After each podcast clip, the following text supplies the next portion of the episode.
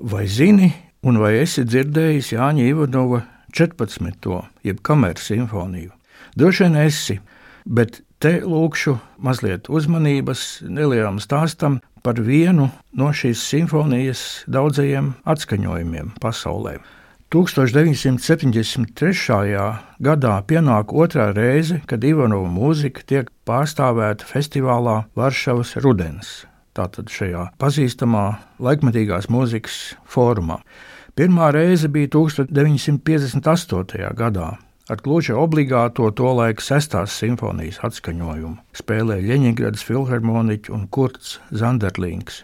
Kaut tad jau bija tapusi astotā, ko var uzskatīt par pirmo Ivanovu atkušņa simfoniju. Starp citu, toreiz no festivāla programmas tika svītrots Prokofjeva koncerts simfonija ar solistu Stislavu Rostropoviču, vietā liekot tautisko un demokrātisko Otara Takta Kišvilī ļoti optimistisko klavieru koncertu. Šoreiz, 73. gadā, izskan Ivanova 14. simfonija. Pirms diviem gadiem tapis tātad pietiekami svaigs un laikmatīgs opus, kas apliecina tieši 65-gadīga komponista garīgo un māksliniecisko briedumu, ne jaunāka un arī ne vecāka. Varšavas filharmonijas lielajā zālē spēlē Latvijas filharmonijas kamerorķestris Tovija Livšica vadībā. Tieši šis 67. gadā dibinātais kamerorķestris jau arī bija komponistam devis impulsu šīs simfonijas radīšanai. Koncerta otrajā daļā koris Latvija vēl izpilda Paula Dambija oratorijas Tanca di Michelangelo, kā arī Ivana vokalīs gubu mākoņi, arī Marģeras Zāriņa un Rutas Vintolas miniatūras. Programmā iekļaut vēl vairāku citu padomu komponistu kordarbi ar diktētu idejisku tematiku.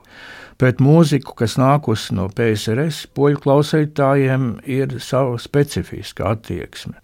Tomēr zāle pieklājīgi publikas piepildīta, to vēl kuplina prāvs jauno mūziķu, mākslinieku un mēdīju pārstāvi pulciņš no Rīgas, kas pašsaprotami jūt līdzi savējiem šajā respektablajā starptautiskajā pasākumā. Festivāla centrā tagad ir trīs poļu pašu mūzikas grandi - Jutaslavskis, Pendereckis, Goreckis. Visiem trim dzimšanas gadsimti beidzas ar trīs, tātad pienākušas nozīmīgas jubilejas izskan Vitolda Jutaslavska čelo koncerts, Kšištofa Penderecka pirmā simfonija un Henrika Mikolai Gorecka otrā Kopernika simfonija. Iespaidīgs minimālisma estētikā radīts darbs, kā tāda saudabīga freska diviem solistiem, korim un mega lielam orķestrim. Oficiāli formulētais sauklis Varšavas rudens uz rietumiem vērstais polijas kultūras skatloks sevi attaisno saturiski bagāti. Festivāla degpunktā ir ļoti daudz poļu pašu skaņražu, iespaidīgais devums. Taču galvenais, ar ko šis festivāls pievelk poļu un visas austrumē Eiropas interesantu uzmanību, ir tā uz rietumiem un visu plašo pasauli pavērtā auss un acis. Un te nu plašā spektrā pārstāvēts viss, ko laikmetīgajā mūzikā ienesuši 70. gadi aleatorika, sonoristika, minimālisms, repetitīvisms, elektroakustiskie meklējumi, happeningi, performances, non-stopi akcijas, kolāžas, instrumentālais teātris. Festivāls, ikdienas trīs koncerti, aiziet spraigi radošā, inovatīvā noskaņojumā. Un tikai krietni vēlāk kļūst zināms, ka 73. gadā tas varēja arī nenotikt. Augstāko punktu bija sasniegusi festivāla rīkotāju pastāvīgā rīvēšanās ar padomju ideoloģisko uzraudzību, kā pelēja ar kaķi, saņemot kritiku par pārlieku avangardisko orientāciju un klandīšanos rietumu priekšā.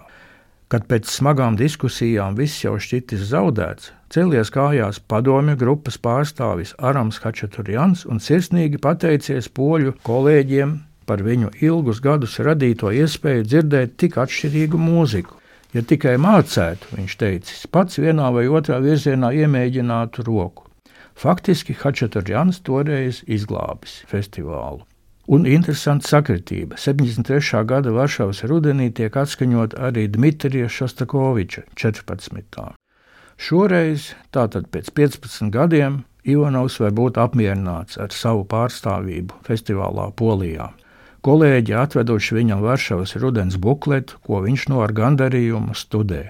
Turpmāk konservatorijas gaitenī sastopot Juri Griņēviču, skaņu ierakstu kabinetu vadītāju un skrupulozi fanātisku startautiskas informācijas vācēju, arvien apvaicāsies, kas jauns par Ivanovu rodams pasaules informatīvajā telpā, Ivanovam piemīt sava īpaša humora izjūta.